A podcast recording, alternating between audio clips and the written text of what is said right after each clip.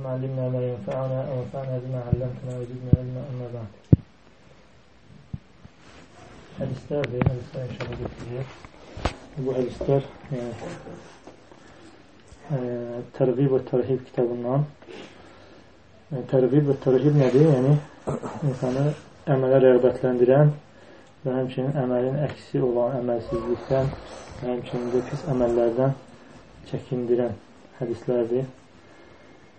Birinci kitab İxlas İxlas kitabı ilə başlayır və bu barədə hədislər gəlir və ixlasın da əhəmiyyəti e, hər birimizə məlumdur və nə qədər ixlas haqqında danışılsa e, yenə də danışılmağa ehtiyac var və xüsusən də hədisləri hədisi oxuyanda ixlasla bağlı, ixlasla e, əlaqəli olan hədisləri oxuyanda bir var ki, ümumi başqa kiminsə sözünü oxuyursan, yəni sənə ixlasın və yaxud da hansısa əməlin fəzilətindən danışır öz sözləri ilə.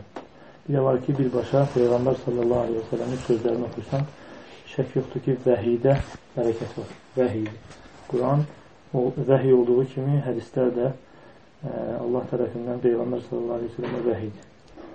Ona görə hədisləri oxuyacaq inşallah ixlasla bağlı və ixlasa işarə olan yerləri inşallah ə, e, üzərində az da olsa dayanmaq lazımdır. Birinci hədis İbn Ömer radiyallahu anh'ın hədisidir. Peki semi'tu Resulullah sallallahu aleyhi ve sellem yekul انطلق ثلاثة نفر ممن كان قبلكم حتى آواهم المبيت إلى غار İbn Ömer radıyallahu anh deyir ki, eşittim ki Allah Resulü sallallahu aleyhi ve sellem deyir ki, e, üç nefer sizden evvelki görmeden olan üç nefer sefere çıktılar. Hatta deyir ki, gecələmələri üçün bir mağaraya girdilər. Və o mağarada girdikdən sonra bir qaya parçası dağdan yumalanaraq e, mağaranın ağzını örtdü. E, onlar dedilər ki, İnnehu la yuncikum min hadihi saxra illə ən təd'ullaha bisalih əməlikum. Dedilər ki, bizi bu e, qayadan e, yalnız sizin salih əməlləriniz və Allahdan dua etməyiniz yalnız bizi xilas edə bilər. Fəqalə rəculun minhum onlardan birisi deyir ki, Allahümmə kənə li əbəvani şeyxani kəbiran. Ey Allahım, mənim deyir, iki yaşlı e, valideynim, anam, atam var idi. Və kuntu lə əğbuqu qabləhumə əhlən və lə mələ. Fənəə bi talabu şəcərin yevmən fələm urih aleyhimə həttə nəmə. Mən də deyir ki, hər gün ə, axşam onlara, yəni onlar üçün ə, süt gətirib onlara süt vermədən başqa heç kimin, heç bir işin dalınca getməzdim. Nə də ki, onlardan əvvəl öz ailəmə də deyir ki, ailəmə də yemək gətirməzdim, verməzdim. Birinci onlara verərdim. Və bir gün də deyir ki, mən başqa bir e, işim çıxdı, e, onun dalınca getdim. Ona görə deyir ki, gecikdim. Hatta deyir ki, gəldim, gördüm, onlar yatıblar. E, gəldim, gördüm, onlar yatıblar və istəmədim ki, onlardan qabaq öz ailəmə ki, onlara yemək verim, süt verim. Fələbittu vəl qadəhu alə yedi.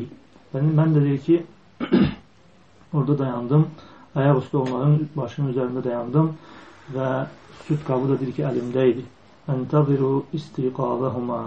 Mən də deyir ki, onların oyanmağını gözləyirdim. Hətta bərəqəl fəcr. Hətta deyir ki, səhərə fəcrə qədər gözlədim. Ee, başqa rivayətdə gəlir ki, وَالصِّبْيَةُ يَتَضَاغَوْنَ عِنْدَ قَدَمَيَّ ee, Deyir ki, hətta deyir ki, uşaqlarım e, ayaqlarımın yanında qışqırırdılar, ağlayırdılar arzuqlarından. Və fəstəyqava deyir ki, onlar e, oyandı, valideynlərim oyandı və öz e, südlərini içdilər. Allahumma in kuntu fa'altu zalika ibtigha vajhik fəfərric anna ma nahnu fihi min hadihi sakhra. Ya Allahım, əgər mən bunu Allah sənin rizan üçün, sənin üçün etmişəmsə, e, bizi bu e, qayadan qurtar. Fənfərəcət şeyən la yastati'un al-xuruc. O qaya deyir ki, biraz aralandı, amma deyir ki, yenə də çıxa bilmirdilər. Və ikincisi deyir ki, ikincisi yine e, dua etmeye başladı. Dedi ki Allahümme kun kânet li ibnetu ammin kânet ehabbun nâs ileyye. Mənim dedi ki, əmim qızı var idi. Mənim üçün ən sevimli biri idi. E, ən çox sevdiyim biri idi.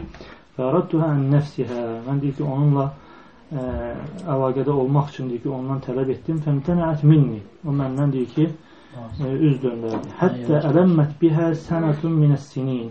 Hətta deyir ki, illər keçdi. E, o deyir ki, mənim yanıma gəldi e, və ona deyir ki, ehtiyacı var idi. Fəataytuha 20 və 100 dinar. Ona deyir ki, 120 dinar verdim. Ələ ən tuxəlliyə beyni və beynə nəfsihə. 120 dinar verdim çünki ehtiyacı var idi və qarşılığında da deyir ki, e, şərt qoydum ki, e, özünə yaxınlaşmağa mənə icazə versin. E, deyir ki, fəfəalət. O da deyir ki, razılaşdı. Hətta idə qədərtu aleyhə hətta deyir ki, artıq e, o vaxt yaxınlaşanda, yəni onun, ona artıq qadir olanda qalət. O dedi ki, Lə uhillu ləkə ən təfuddal xatimə illə bihaqqihi. Deyir ki, mən deyir, e, sənə icazə vermirəm ki, halallıq vermirəm ki, e, sən e, yalnız bunu haqqı ilə edəsən. Yəni, halal şəkildə edəsən. Yoxsa sənə halallıq vermirəm. Fətəhərrəctu minəl vuku'i aleyhə. Və mən də deyir ki, e, narahat oldum, o əməldən çəkinmək istədim. Və bir rəvayətdə gəlir ki, bir rəvayətdə gəlir ki, e, qadın ona deyir ki, ittəqillə. Fənsaraftu anhə və hiyə əhəbbun nəsi iləyyə. Yəni, o qadın ona deyir ki, Allahdan qorux. Mən də deyir ki, o mənim üçün ən sevimli insan olduğu halda mən ondan çəkindim və ona verdiyim qızılları da deyir ki, onda tərk elədim. Allahümme in kuntu fəaltu zəlikə ibtiğa vəcikə fəfruc annə mə nəhnu fih. Ey Allahım, əgər bunu sənin üçün etmişəmsə, e, bizi bu sıxıntıdan çıxart. Fənfərəcəti səxrətu qeyrə ennəhum la yəstəti'anəl xuruca minhə. Və deyir ki, bu qaya parçası yenə aralandı, amma yenə dedi ki, oradan çıxa bilmirdilər. Peyğəmbər sallallahu aleyhi ve sellem deyir ki, üçüncü də belə dedi ki, Allahümmə inni istəcərtu ucara. Ey Allahım, mənim deyir ki, e, əlimin altında işləyən iş, işçilər var idi. Fəataytuhum əcrahum. Onların deyir ki, e, mükafatını, yəni onların işlərinin qarşılığını verdim. bir dənə kişidən başqa öz haqqını deyir ki, məndə tərk elədi, çıxdı, getdi. Və mən də deyir ki, onun malı ilə, onun, e, o e, məndə olan malı ilə e, ticarət etdim. Hətta onu deyir ki, malını artırdım. Və biraz vaxt keçəndən sonra, bir neçə müddət keçəndən sonra mənim yanıma gəldi və dedi ki, ey Abdullah, mənim deyir ki, malımı ver. Və ona dedim ki, sənin bu gördüyün bütün dəvə, inəklər, qoyunlar və qullar hamısı sənin malındandır. Sənin malındır. Çünki onun malı ilə deyir ki, artırmışdım. Fəqalə ya Abdullah, lə təstəhzi bi. Deyir ki, Abdullah, mənlə deyir ki, istihza etmə. Deyir, fəqultu inni lə istəhzi'u bikə fəəxədəhu kulləhu. Və mən də deyir ki, ona dedim ki, mən səndən istihza etmirəm. Ə, həqiqi deyirəm. O da deyir ki, onların hamısını götürdü. Və hamısını deyir ki, qabağına salıb sürüb apardı. Ondan heç nə tərk eləmədi. Allahümme inni in kuntu fa'altu zalika ibtiga'a vechika fafruj anna ma nahnu fihi fenfaracet is-sakhratu fekharaju yemşun. Deyir, əgər bunu Allahım sənin üçün etmişəmsə, bizi bu çətinlikdən qurtar və deyir ki, qaya biraz da aralandı və oradan deyir ki, onlar çıxdılar, getdilər. Və bu hədisdə ixlas yeri açıq aydındır. Bu, o insanlar, yəni ondan sonraki başqa rəvayətdə gəlir ki, e, onlar deyirlər ki, innəhu vallahi ya həulə la yuncikum illə sıdq. Onlar bir-birlərini deyirlər ki, vallahi sizi buradan yalnız sadiqlik, yəni yalnız ixlas sizi qutaracaq. Və onlar da o ixlasla olan əməllərini xatırladılar e, və o əməlləri onların o çətinlikdən çıxmalarına səbəb oldu. O əməlləri ilə dua etmələri. Və bu da ixlasın əzəmətini bildirir, e, böyüklüyünü bildirir ki, onlar nə dərəcədə ixlaslı olmuşdular ki, Allah Teala onları o dünyada düşdükləri o çətinlikdən qurtardı və şək yoxdur ki, əgər dünyada insan, yəni Allah Teala e, bu şəkildə çətinlikdən qurtarırsa, axirət üçün də onun üçün payı var. Axirətdə də Allah Teala onu ixlasına görə onun əməlini qat-qat e, verəcək. Ondan sonra başka ikinci hadiste ikinci hadis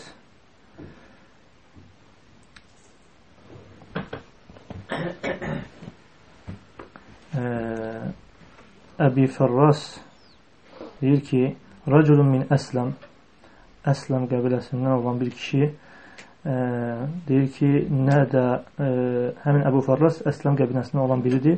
Deyir ki nədə raculun fəqalə ya Resulallah bir kişi Peyğəmbər sallallahu aleyhi və səlləmi çağıraraq deyir ki ey Allahın Resulü məl iman deyir ki iman nədir? Peyğəmbər sallallahu aleyhi və səlləm deyir ki əl-ixlas deyir ki iman ixlasdır başqa ləfsdə gəlir ki, Peyğəmbər sallallahu aleyhi və səlləm deyir ki, məndən istədiyiniz şeylər haqqında soruşun və bir kişi də deyir ki, İslam nədir? Onlar deyir, e, Peyğəmbər sallallahu aleyhi və səlləm deyir ki, iqamus salə və itəvüz zəkə e, deyir ki, e, namaz qılmaq və zəkat vermək e, və sonra deyir ki, fəməl iman, iman nədir? Və Peyğəmbər sallallahu aleyhi və səlləm deyir ki, əl-ixlas e, və deyir ki, yəqin nədir? Peyğəmbər sallallahu aleyhi və səlləm deyir ki, təsdiq. Yəqin də deyir ki, təsdiqdir.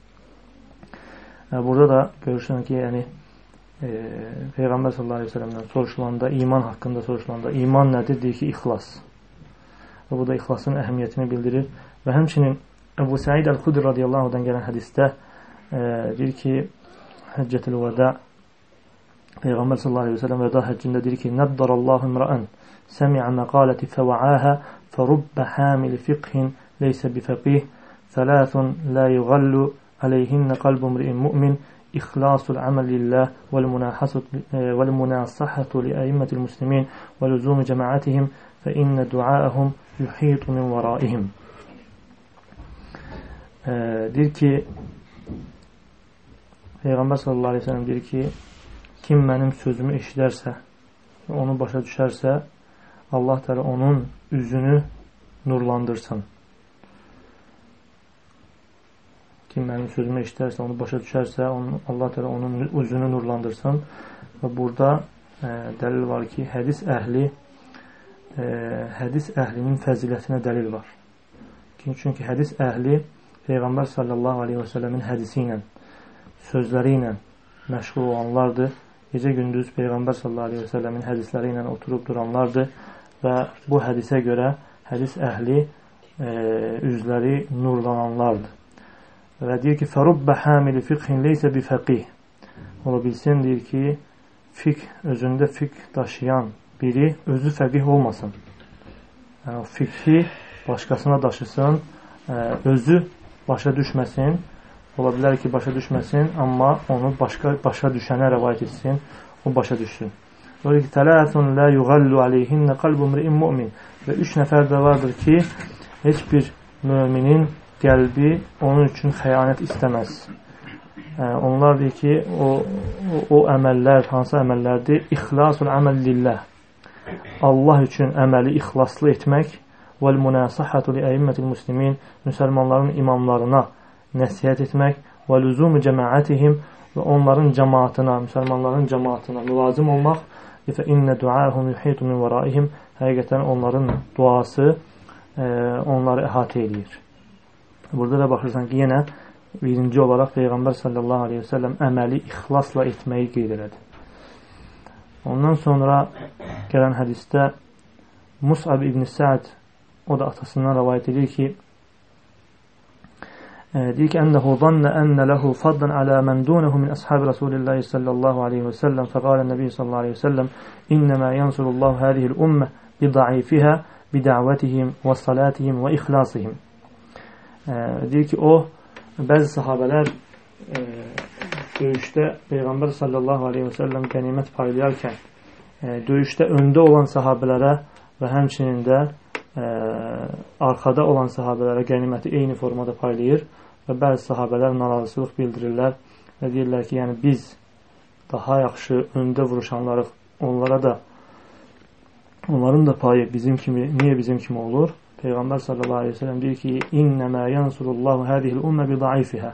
Allah bu ümmətə zəifləri ilə yardım edir. Bi dəvətihim və salatihim və ixlasihim. Onların duası ilə, namazı ilə və ixlası ilə. Duası ilə, namazı ilə və ixlası ilə. Hətta öndə gedənlərin yardımı ki, o zəiflərin ixlasına, duasına, namazlarına görədir. Ona görə bəzi sələflər deyir ki, İnnəmə yədfəullahul bələə min əhlil ardı bi ashabil məhəl. Deyir ki, bəzi sələflər deyirlər ki, Allah-u Teala yer əhlindən bəlanı deyir ki, o elm tələbələrinə görə deyir ki, yer əhlindən bəlanı dəf edir. Elm tələb edənlərə görə deyir ki, yer əhlindən bəlanı dəf edir. Və başqa hədisdə Ənəs ibn Məlik radiyallahu anhudan gələn hədisdə deyir ki, iki qardaş Peyğəmbər sallallahu aleyhi və səlləmin yanında idi. Və onlardan biri gedir iş dalınca, ruzi dalınca işləyir və o birisi Peyğəmbər sallallahu aleyhi və səlləmin yanında qalır və bir vaxt keçəndən sonra həmin o işləyən qardaş Peyğəmbər sallallahu aleyhi və səlləmin yanına gəlir, şikayət edirdi ki, mən işləyirəm, amma bu isə sənin yanında oturub. Bu isə sənin yanında oturub Peyğəmbər sallallahu aleyhi və səlləm deyir ki, Ləəlləkə turzəq bihi. Ola bilsin, deyir, sənin ruzin ona görə gəlir. Ola bilsin, sənin ruzin deyir ki, ona görə gəlir. Onun qardaşı oldu, yoxsa?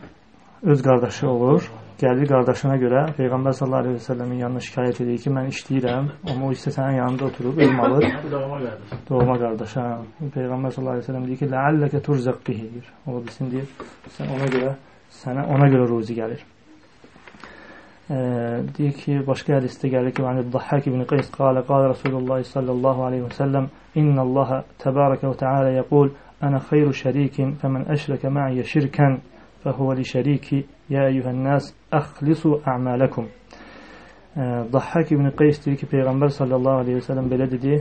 O da Allah Teala'dan Rəbbindən rivayet edərək deyir ki, Allah Teala belə dedi: "Mən sizin şərik qoşduqlarınızın içərisində ən xeyirli şərikəm. Kim mənimlə başqasını, mənə başqasını şərik qoşarsa, e, onun əməli o mənə şərik qoşduğunadır, mənim üçün deyil. Ya eyyuhənnəs, əxlisu ə'mələkum, ey insanlar, əməllərinizdə ixlaslı olun. Və innəllaha təbarəkə və teala la yəqbəlu minəl ə'məli illə mə xalusa ləhu. Həqiqətən Allah təbarəkə və teala əməllərdən yalnız ixlaslı olanı qəbul edir. Və la təqulu Hədihi lillahi və lirrahim fə innəhə lirrahim. Deməyin ki, bu əməl, bu iş Allah üçündür və yaxınım, qohumum üçündür. Hansısa bir qohuma, hansısa bir yaxına əgər kömək edirsənsə, hansısa bir xeyrin dəyirsə, sədəqə verirsənsə, demək ki, Allah üçün və qohum üçün verirəm. Əksinə qohum üçün yaddan çıxart. Əgər qohum üçün niyyətin varsa, o zaman deyir ki, o deyir qohum üçün Diyor, Allah üçün deyil. Və leysə lillahi minhə şey. Oradan deyir ki, Allaha heç nə qalmır. Və la təqulu həzihi lillahi və li vucuhikum. Deməyin ki, bu Allah üçün və sənə görədir. E, çünki deyir, belə deyilərsə, o deyir ki, o sənə görə sayılır, Allah üçün deyil. Orada Allah üçün heç nə qalmır. Səbəb kimdir Allah? Necə? Yəni sən səbəbkar kimdir? Yəni niyyətlərin içərisində o niyyəti eləyə bilərsən. Yəni, necə? Qohumluq əlaqələrini birləşdirmək. Əslən, qohumluq əlaqələrini birləşdirmək niyyətinin özü Allah üçündür də. Yəni, əgər əslən Allah üçün olarsa, problem yoxdur. Amma elə adam var ki, Allah üçündür niyyəti, amma yenə də fikirləşir ki, bu mənim toyuma gəlmişdi, mən də gedeyim və yaxud da mənim toyuma bu qədər pul qoymuşdu, mən də bu qədər qoyum. Yəni, bu niyyət artıq yəni, əməli e, Allah üçün olmaqdan çıxarır. Və bu hədisdə şeyx buyurur ki, fihil həth aləl-ixlas həttə fil-əlfaz. Və burada deyir ki, hətta ixlasa ə, həvəsləndirmək var, hətta ləfslərdə belə. Hətta ləfslərdə belə deyəndə ki, yalnız Allah üçün deyən. Allah üçünə başqa heç nəyi qarışdırma. Hətta ləfslərdə burada ixlasın əhəmiyyətini bildirir. Və ixlasda, yəni əsas ixlas nədir? Sənin üçün sənin əməlində səni məzəmmət eləyənlə tərifləyən üçün səndə heç bir fərq olmamalıdır. Ona görə Ayşə radiyallahu anhə öz xidmətçisini göndərəndə öz xidmətçisinə deyirdi ki, "Unzur mədə yəd'un lənə, fənəd'u ləhum bimitli mə da'u fəyəqra əcruna alallah." öz xidmətçisini sədəqəni paylamaq üçün göndərəndə deyirdi ki, bax, sədəqəni verəndə bax bizim üçün nə dua eləyir. və biz də deyir ki, ona o duanı eləyək, sədəqənin əcri Allaha qalsın. O deyir ki, o duası ilə sədəqənin əcrini vermiş, qarşılığını vermiş olmasın. Amma deyir ki, bəzi insanlar bunun əksi olaraq deyir ki, sədəqə verəndə, nəsə verəndə görürsən ki, narahatçılıq götürən adam götürmək istəmir, amma ona israr edir, deyir ki, dua eləyərsən, dua eləyərsən. Yəni, bu problemdir. Ondan sən dua istəyirsənsə, artıq sən o duaya görə vermiş olursan. Ona görə gələ bunu da deməyəsən, yalnız niyyət Allah üçün olsun. Necə ki, tərəflər deyərdilər ki, Lə nuridu minkum cəzəən və lə şükura. Biz sizdən nə mükafat, nə də təşəkkür istəmirik. Bəzi insanlar deyir ki, deyir, sədəqə verdim, deyir ki, heç deyir, cəzəkallah xeyranda deməli deyir. Və başqa hədisdə Əbu Dərdə radiyallahu anhudan gələn hədisdə Peyğəmbər sallallahu əleyhi və səlləm deyir ki: "Əd-dunya məl'unatun, məl'unun ma fiha illə məbtughiyə bihi vechullah." Dünya lənətlənmişdir və dünyanın içərisində olan hər bir şey lənətlənmişdir. Yalnız o əməl ki, onunla Allah kəsb olunur, ixlasla o əməl olunur, yalnız ondan başqa. Ondan sonra Ömər ibn Xattab radiyallahu anhdan gələn hədisdə məşhur hədisdir. Deyir ki, eşitdim ki, Allah Resulü sallallahu aleyhi ve sellem belə buyurdu.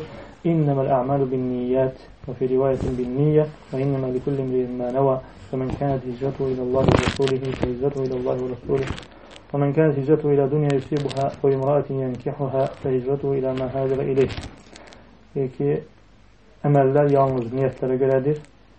Başka rivayete göre ki niyete göredir.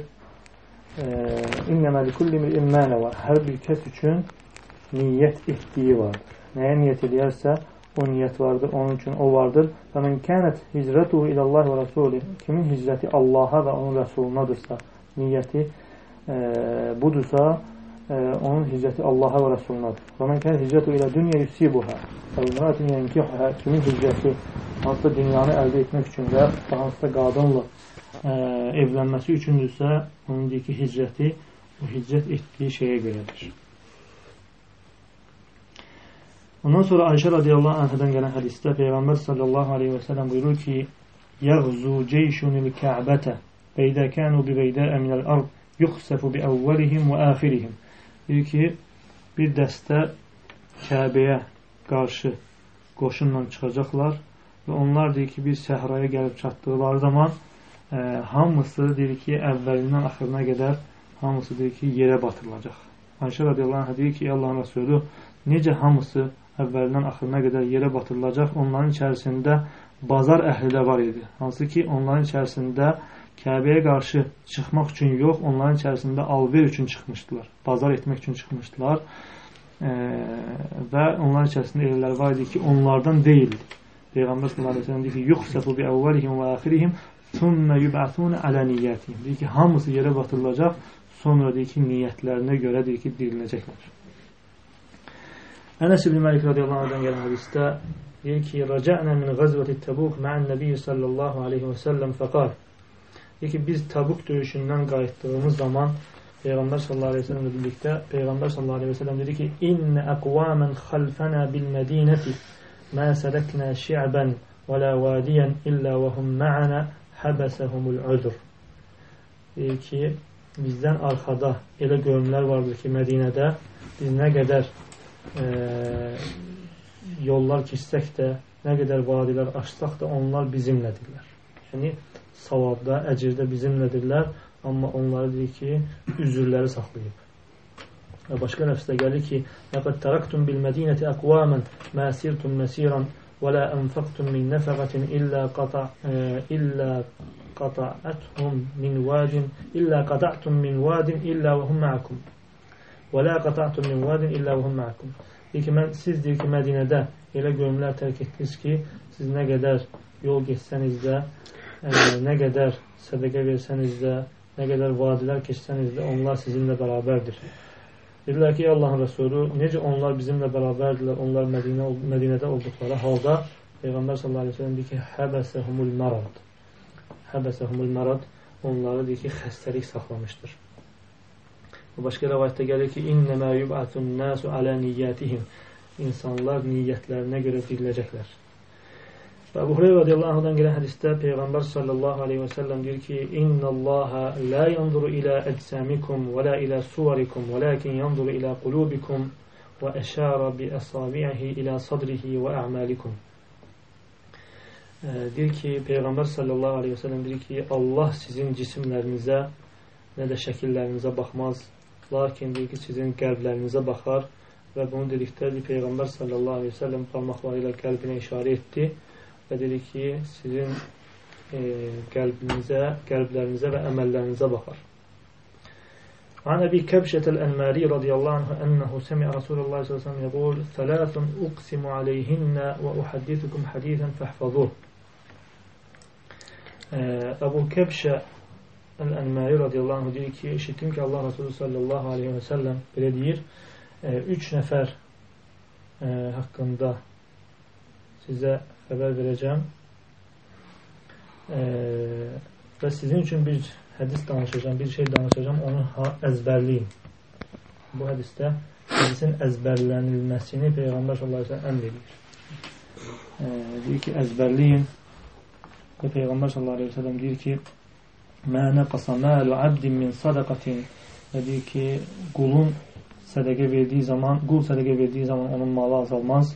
ولا ظلم عبد مظلم ولا ظلم عبد مظلمة صبر عليها إلا زاده الله عزا deyir ki e, qul nə qədər zülm olunarsa və ona e, səbr eləyərsə Allah Teala onun o qədər izzətini artırar. Və la fataha abdun baba məsələtin illə fatahallahu alayhi baba faqrin deyir ki qul nə qədər özü üçün istəmək qapısını açarsa yəni insanlara möhtac olmaq, insanlardan istəmək qapısını açarsa özü üçün, ki, Allah Teala onun üçün fağırlıq qapısını açar. Və başqa hədisdə gəlir ki, və o hədis həmçinin onun arxasınca deyir ki, və o hədisukum hadisən fəhfazu. Və mən sizə deyir ki, hədis danışacağam, onu əzbərləyin. İnnəməd dünya li ərbəti nəfərin. Dünya dörd nəfər üçündür. Abdun razaqahullahu malen və ilmən fəhuvə yettəqi fihi rabbəhu ويصل فيه رحمه ويعلم ويعلم لله ويعلم لله fihi haqqa. O qul ki Allah Teala ona mal və elm vermişdir. O həmin mal və elm, elminə görə Allahdan qorxur və qohumluq əlaqələrini birləşdirir və Allahın üzərin, öz üzərində olan haqqını bilir. Hədə bi əfzalil mənazil. Bu deyir ki, ən fəzilətli mənzilədir. Və abdun razaqahullahu ilmən Və ləm yerzuqhu mələ. Elə qulda vardır ki, Allah ona elm vermişdir, ona mal verməmişdir. Və huvə sadiqun niyyə. O niyyətində sadiqdir. Yəni, elm verib, mal verməyib. Və niyyətində sadiqdir. Yəni, malım olsaydı, yəni bu qədər xərcləyərdim, bunu eləyərdim. O da deyir ki, niyyətində sadiqdir. Deyər ki, ləv ennəli mələn lə'amiltu bi'əməli fulan. Deyir ki, mənim malım olsaydı, filan kəsin əməli kimi eləyərdim. Onun kimi xərcləyərdim, onun kimi verərdim. Və huvə bi niyyətihi fəcruhumə səva. O deyir ki, niyyəti ilə o malı olanla deyir ki, e, əcrləri, savabları birdir. E, ona görə insan yəni niyyət etməlidir. Hətta gücü çatmasa da, bilsə ki, gücü çatmır, gücü çatmayacaq, yenə də niyyət etməlidir. Nə qədər niyyət etsən, yəni, o qədər sənin savablar var. Əgər niyyətində sadiq olarsansa. Elə sadiq niyyətlə niyyət edirsən ki, niyyət etdiyin şey həqiqətən sənə baş versə, Məsələn, deyək ki, insan niyyət edir ki, mənim malım olsa bulan şey eləyərəm. Amma yəni, həmin mal ona gəlib çatdığı zaman onu eləmirsə, o niyyət sadiq niyyət sayılmır. Amma onu eləyəcək qədər o sadiqdirsə, artıq onun üçün o savab yazılır. Hətta onu ömrü boyu eləyə bilməsə belə. Allah təala onu, yəni o malı ona verməsə də, yenə də o əməli ilə, o niyyəti ilə o əməlin savabını qazanır. Deyir ki, və abdun razaqahullahu mələ. Elə qul da vardır ki, Allah ona mal verib, Və ləm yazıqhu ilmə. Amma ona deyir ki, e, elm verməyib. Yaxbitu fi malihi bi qeyri ilm. O da deyir ki, elmi olmadığına görə malından təsərrüf edir. Yəni malından xərcləyir, amma e, necə gəldi? Çünki elm olmayandan sonra maldan düzgün xərcləmək olmur. Çünki elm olmalıdır ki, sən malı doğru düzgün Allahın razı qaldığı kimi necə xərclədiyini bilməyin üçün. Ona görə səhər e, namazından sonra sünnədə gələn e, dua hansıdır? Allahümmə inni əsəlükə ilmən nəsiən və rizqan tayyibən və əmələn mütəqabbələ. Nəyə görə elmən nəfiən birinci gəldi, ondan sonra gəldi rizqan tayyibən. Sən ki, ey, faydalı elmin olmasa, gözəl ruzunu bilməzsən necə əldə olunur. Və yaxud da o gözəl ruzi sənə gəlsə, faydalı elmin olmasa, o ruzidən necə istifadə etməyini bilməzsən. Ona görə elm deyir ki, hər şeydən öncədir. E, bu qul ki, hansı ki ona elm verilməyib, amma mal verilib, odur ki, malı ilə e, istədiyi kimi təsərrüf edir Rəbbindən malına görə qorxmur və qohumul əlaqələrini birləşdirmir və o qul malı üzərində, özünün üzərində olan Rəbbinin haqqını bilmir və hədə bi əxbətil mənazil. Deyir ki, ən aşağı, ən xəbis, yəni pis mənzilədir. Və abdun ləm yerzuqullahu mələn və la ilmən fəhvə yəqul ləv ənə li mələn lə amiltu fihi bi əməli fulən fəhvə bi niyyətihi fəvizrihumə səva. Elə insan da vardır ki, ondan da aşağıdır. Nə malı var, nə elmi var, niyyət edir ki, malım olsa filan kəs kimi günah işləyəcəm. Bu ən pisidir. Nə malı var, nə e, e, elmi var, amma niyyət edir ki, malım olsa filan kəs kimi günah işlər işləyəcəm. Bu ən aşağı mənzilədir. Allah qorusun. Və başqa hədisdə Peyğəmbər sallallahu əleyhi və səlləm deyir ki: "Məsəlu hadihi'l ummə kəməsəli ərba'ati nəfər." Bu hədisdə həmin ləfzdədir. E, eyni mənada olan hədisdir. Ondan sonraki hədisdə İbn Abbas radiyallahu anhudan gələn hədis ki, Peyğəmbər sallallahu aleyhi və səlləm Rəbbindən rəvayət edən hədisdə Peyğəmbər sallallahu aleyhi və səlləm deyir ki, İnna Allaha kətəbəl həsənəti və seyyiət. Allah Teala həsənətləri, yəni savab əməlləri, yaxşı işləri və həmçinin pis əməlləri, günahları yazmışdır. Thumma beyyənə zəlikə fi kitabihi. Sonra onları öz kitabında bəyan etmişdir. Fəmən həmmə bi həsənətin fələm ya'məlhə kətəbəhəllahu indəhu həsənətin kamilə. Kim bir yaxşı əməl, savab bir iş niyyət eləyərsə, ə, onu istəyərsə, əgər onu eləyə bilməzsə, qadir olmazsa, ə, Allah təala ona deyir ki, kamil savab yazar. Həmin niyyətinə görə kamil savab yazar. Fə in həmmə bihə fəamiləhə kətəbəhə Allahu indehu 10 həsənət. Yəni əgər o niyyəti eləyərsə və o niyyəti elədiyi əmələ əmələ müvəffəq olarsa, qadir olarsa, yəni onu eləyərsə, Allah təala onun üçün deyir ki, 10 savab yazar. İlə səbəniyyəti zəif və onu deyir ki, e, 700-ə qədər artırar. İlə əbafin kətirə. Ondan sonra deyir ki, ilə əbafin kətirə. Yəni ondan sonra daha çox artırar. Və mən həmmə bir seyyiətin fələm yəməlhə. Kim deyir ki, pis əməl işləyərsə, Allah təala rəhminə baxın. Kim pis əmələ, daha doğrusu niyyət eləyərsə, pis əmələ niyyət eləyərsə, onu etməzsə, Kətəbə Allah indəhu həsənətən kəmilə. Onu etməzsə Allah da ona həsənət yazır. Bu Allah Teala'nın bizə olan, yəni geniş rəhmindən. Allah Teala'nın rəhmi çox genişdir. Allah Teala insan üçün, e, qulları üçün özündən də rəhimlidir. E, ona görə baxsan ki, insan yaxşı əmələ niyyət elədi. Əməli eləməyə qadir olmazsa, bacarmazsa Allah Teala onun üçün savab yazır. Əgər qadir olsa 700-ə qədər artırır, daha da çox artırır, amma pis əmələ niyyət eləyərsə, onu eləməzsə ona bir savab yazır. Məsələn, şək yoxdur ki, eləməməsinin də səbəbi, yəni e, dünyavi bir şey olmamalıdır. Allah üçün yəni, tərk edirsə, onun üçün ki, bir savab yazılır. E, Və huwa və in huwa həmmə bihə fəamiləhə. Əgər o niyyəti eləyərsə pis əməl etməyə, bu əməli etməyə qadir olarsa, kətəbəhəllahu seyyiətən vahidə. Allah təala ona bir günah yazar. Bir günah. Savablarda eləyə bilərsə 10 savab və 700-ə qədər artırır, ondan da çox artırır. Amma günahda isə eləyə bilməzsə, eləməzsə, Allah üçün, onun üçün savab yazılır, eləyərsə bir günah yazılır. E, eləyərsə bir günah yazılır. Ondan sonra gələn hədis Əbu Hüreyrə radiyallahu anh gələn hədisi Peyğəmbər sallallahu əleyhi və səlləm deyir ki: "Yəqulullahu azza və cəllə" Allah azza və cəllə deyir ki: "İzə arada arada abdi an ya'mala seyyi'atan fala taktubuha alayhi hatta ya'malaha." Deyir ki, qulum bir günah əməl etmək istəyərsə, o niyyətə düşərsə, o əməli edənə qədər ona heç nə yazmayın. Allah Teala mələklərinə deyir ki, qulun bir günah əməl etməyi niyyət eləyərsə, onu edənə qədər onu heç nə yazmır. Fə in amiləhə fəktubuhə bimislihə. Əgər eləyərsə, onun mislində qədər, mislinə qədər günahsa, o qədər ona yazın. Və başqa hədisdə gəlir ki, Allah Teala deyir ki 6 saat gözləyir mələklər 6 saat gözləyir. Hətta eləyəndən sonra 6 saat gözləyir ki ki qolum görüm günahından tövbə edir yoxsa yox. Yəni günah eləyir. Günah eləyən kimi də yenə yazılmır. Deyir ki Allah Teala 6 saat gözləyir. Mələklər deyir ki 6 saat gözləyir və 6 saatdan sonra yazılır ki ondan qabaq hə? Ümumi gəldiyinə görə fərqi yoxdur. Yəni, ha? Adam öldürüb deyəndə ki, yəni burada qeyd olunmuyor. Da bütün günahlar. Fərqi yox. Tövbə bütün günah şirki də bağışlayır. O şəriət nəyində tövbə ilə ona gəlmir. Yox. Yəni, o baş kəsilməsi onun günahı demək deyil. Bu həddir. Allahın qoyduğu həddir. Günahın bağışlanmasından söhbət gedir. O günah işlədi, amma hədd onun üzərindədir. Amma onun günahının silinməsi günahının silinməsi e, artıq şeydir. O deyək ki, qisas alınanda, qisas alınanda qulun haqqı düşür onun boynundan. Qiyamət günü qulun haqqına görə soruşulmuş, çünki qisas alındı. Amma qulun haqqı ilə bərabər Allahın da haqqı var. Sən günah işləmirsən. Həmin günah tövbə edəndə bağışlanır. o, o saat bizim saatı yoksa Hə?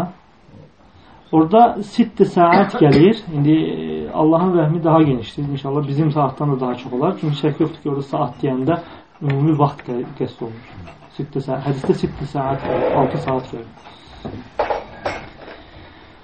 Və deyir ki, fəin əmiləhə fəktubuhə bimitlihə. Əgər Allah təala deyir ki, əgər o əməli eləyərsə, pis əməli eləyərsə, onun mislində ona yazın. Və in tərakəhə min əcli, mənim üçün tərk eləyərsə, fəktubuhə həsənə.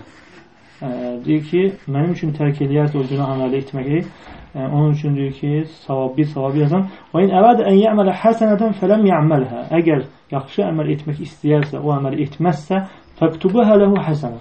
Ona deyir ki, e, bir savab yazın. Və in əmiləhə fəktubuhə ləhu bi əmsalihə ilə səb'i mi'ə.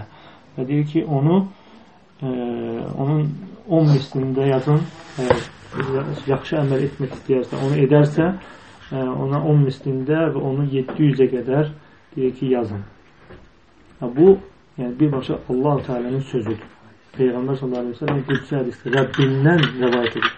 Yəni, bunu insan dərk eləsə, yəni, belə hədisləri e, yəni, həqiqətən insanda böyük təsir bağışlamalıdır. Çünki sənin Rəbbin gör necə rəhimlidirsə qullarına bu qədər maraqlanır. Yəni qulların haqqında bu qədər yəni e, rəhm edir, yəni genişlik. Çünki insan bunun üzərində dayanmalıdır belə şeylərdir, ayələrdir, yəni şey, bu formada hədislərdir. Yəni, şəkil hədislərin hamısı vəhidir. Amma qudsi hədislə Peyğəmbər sallallahu əleyhi və səlləmin sözü arasında fərq var. Qudsi hədis ə, Allahın sözüdür birbaşa. Amma e, hədis Peyğəmbər sallallahu əleyhi və səlləmin sözüdür, amma vəhidən gələn sözdür. E, sonra deyir ki, mən həmmə bi həsənətin fələm ya'məlhə kutibət ləhu həsənə. Bu da başqa bir rivayətdir. E, kim deyir ki, yaxşı əməl işləyərsə, niyyət eləyərsə, bunun üçün bir e, savab yazılar e, və əgər onu eləyə bilməzsə bir savab yazılar, eləyə bilərsə onun üçün 10 savab yazılar və 700-ə qədər artırırlar. Pis əməl niyyət eləyərsə, ə, onu etməzsə, onun əleyhinə heç nə yazılmaz. Yuxarıdakı ləfsdə gəldi ki, Allah üçün etməzsə, onun üçün savab yazılar. Və əmilə hər kutibə. Eğer eləyərsə, onun üçün bir e, günah yazılır. Və gəlir ki, Ən-Mə'n ibn Yezid radiyallahu anhuma Mə'n ibn Yezid radiyallahu anhumadan gəlir ki, e, deyir ki, Kənə əbi Yezid Mə'n atasından danışır. Deyir ki, atam əxrəcə dənənirə yətəsəddəqu bihə. Deyir ki, dinarlar çıxardıb sədəqə verdi. Və o bahə ində rəculun fil məscid. Məsciddə olan bir kişiyə yanına qoydu. Yəni, bu da yəni, kimdir o kişi? Yəni, elə bir adamdır ki, o ona verilən sədəqələr verilir, o da münasib adamlara verir sədəqəni. Yəni, bu da sünnə əməl olmasına bir dəlildir ki, bir insan olsun məsciddə ki, yəni sədəqə ona verilsin və o da kimə münasibdirsə ona verilsin. Yəni, bu da sünnələrdən Hayvanlıqda yəni. yəni, paylaması. Və deyir ki, atası həmin o sədəqə yığan adama, hansı ki, sədəqənin fəaliyyəti adama deyir ki, dinarlar verdi.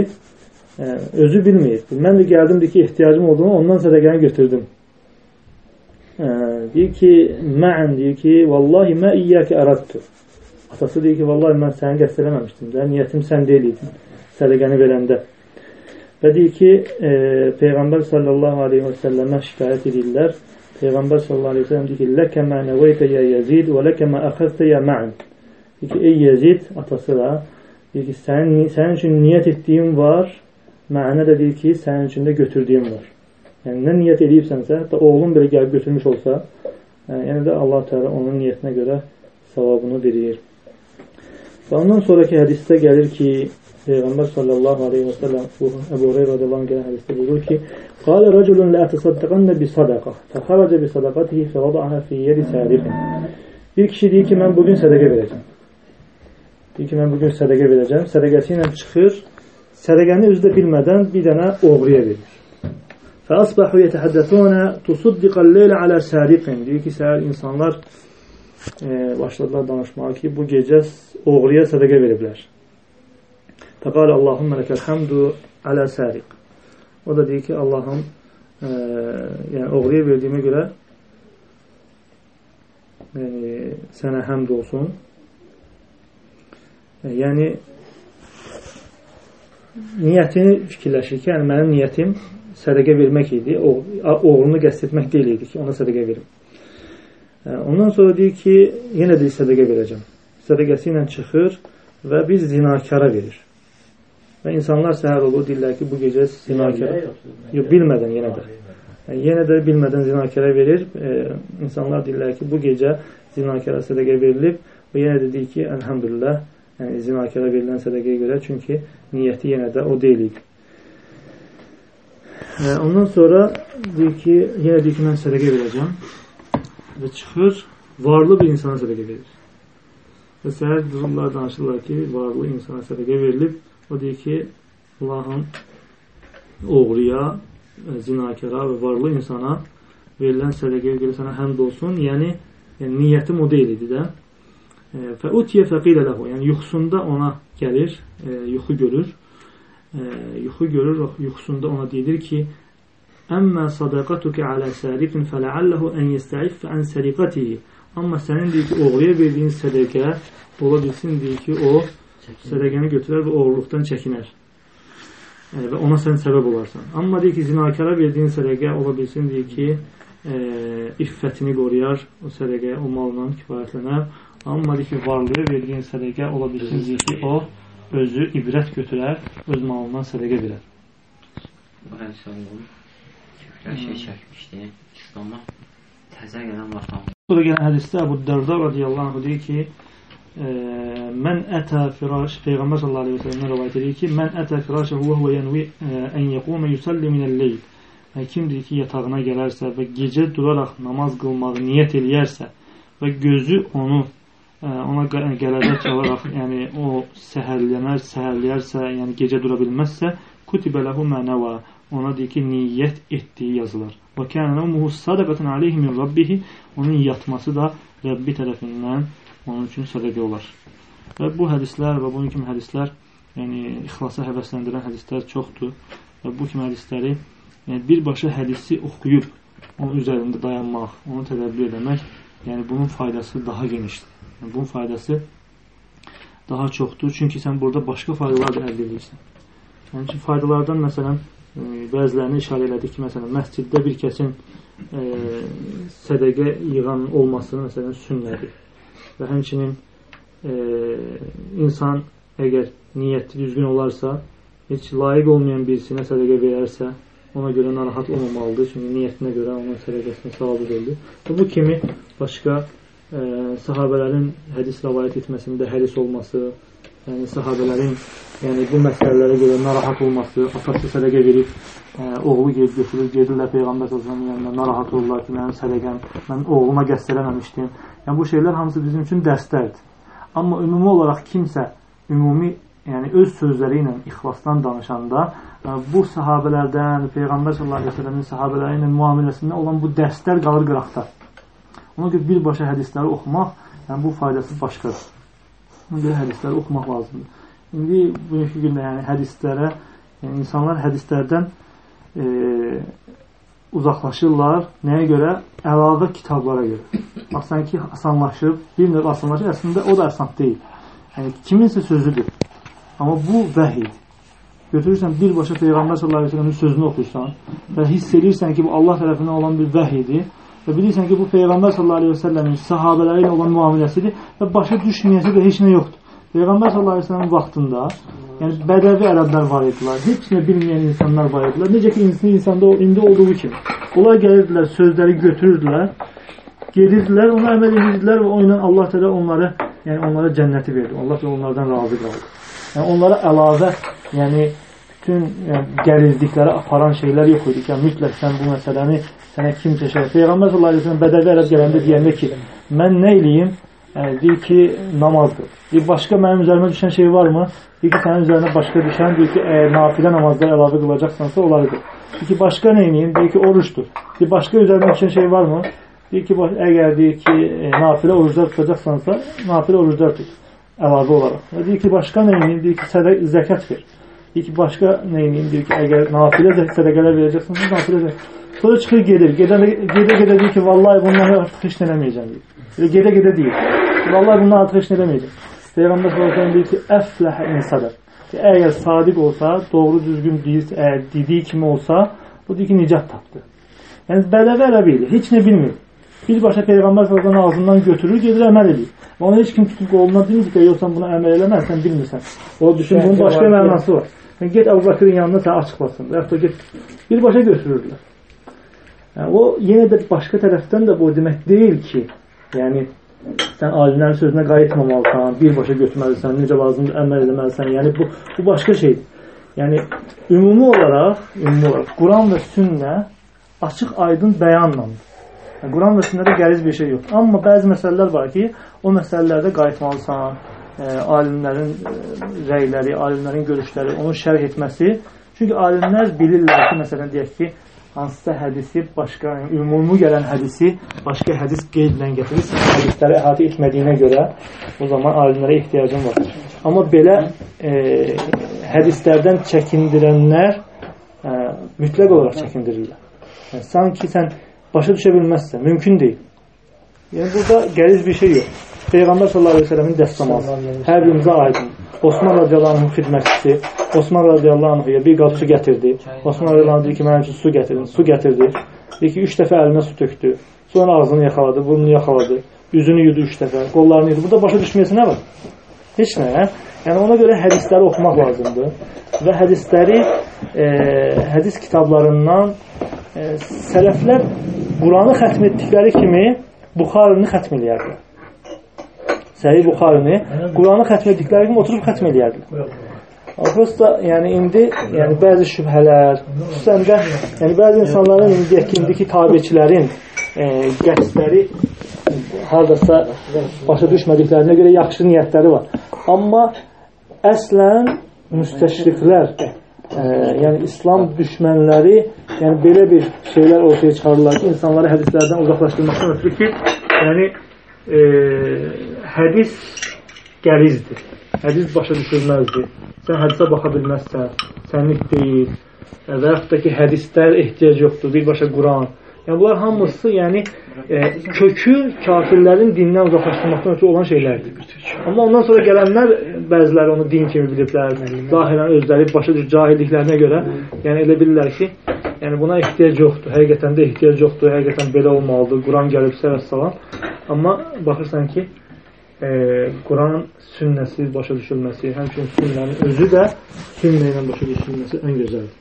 Ona görə Quranı e, təfsiri ilə və sünnəni də şərhləri ilə hədisləri oxuyub başa düşmək lazımdır. Amma hədislər kitablarından başqa, yəni əlavə kitablar var, hansı ki orada ümumi hədislərdən götürülən mənalarla bəşəriyyətin başqalarının sözləri ilə yazılıb və yaxud da e, yəni öz sözləri ilə ifadə ediblər. Onlardakı fayda hədisdə olan fayda kimi deyil. Ona görə hədis yəni mühümdür hədislər oxumaq. Hansı mövzuda istəsən, Allah həmd olsun, hədis alimləri, imamlar, yəni Buxaridə, Müslimdə, Əbu Davud, Tirmizi, Nəsai, Kutubu Sittə, ondan sonra başqa kitab, hədis kitablarında bablarla qoyublar. Əgər namaz bölümü istəyirsənsə, açırsan, namaz bölümünə girsən, namazla bağlı olan hədisləri oxuyursan. Hətta, hətta insan hədis oxuyub, həmin hədisin nəsx olunduğunu bilmədiyi halda əməl etsə belə, qiyamət günü Allah təala yanında onun hüccəti var yoxsa yox? Şək yoxdur ki, hüccəti var. Nə baxımdan? Bilməyib, hədis olduğu üçün əməl edib. Niyyəti doğru düzgün olduğunu. Amma, amma hədisi hansısa kiminsə rəyinə görə tərk eləsə, Allah təala ondan soruşacaq. Sənə açıq aydın hədis gəldi. Sənə açıq aydın mənim vəhiyim gəldi. Mən səndən tələb elədiyim Quran və sünnə idi. Sən dedin ki, yox, mən mütləq filan kəsin məzhəbindəyəmsə, mütləq onun sözünü götürməliyəm və yaxud da e, deməli bunun başqa mənası var, belədirsə belədir. Yəni onda yəni e, sən qiyamət günü soruşulacaqsan. Və sənin artıq yəni hüccətin olmayacaq. Amma hədisi hətta yəni deyək ki, mənsuf, nəsx olunmuş bir hədis belə olsa, yəni sənin qiyamət günü hüccətin olacaq ki, bilmirdin, amma hədis olduğuna görə əməl eləmisən. Allah belə iştifadə olmalı deməsin. İxlasla.com saytı tərəfindən təqdim olundu.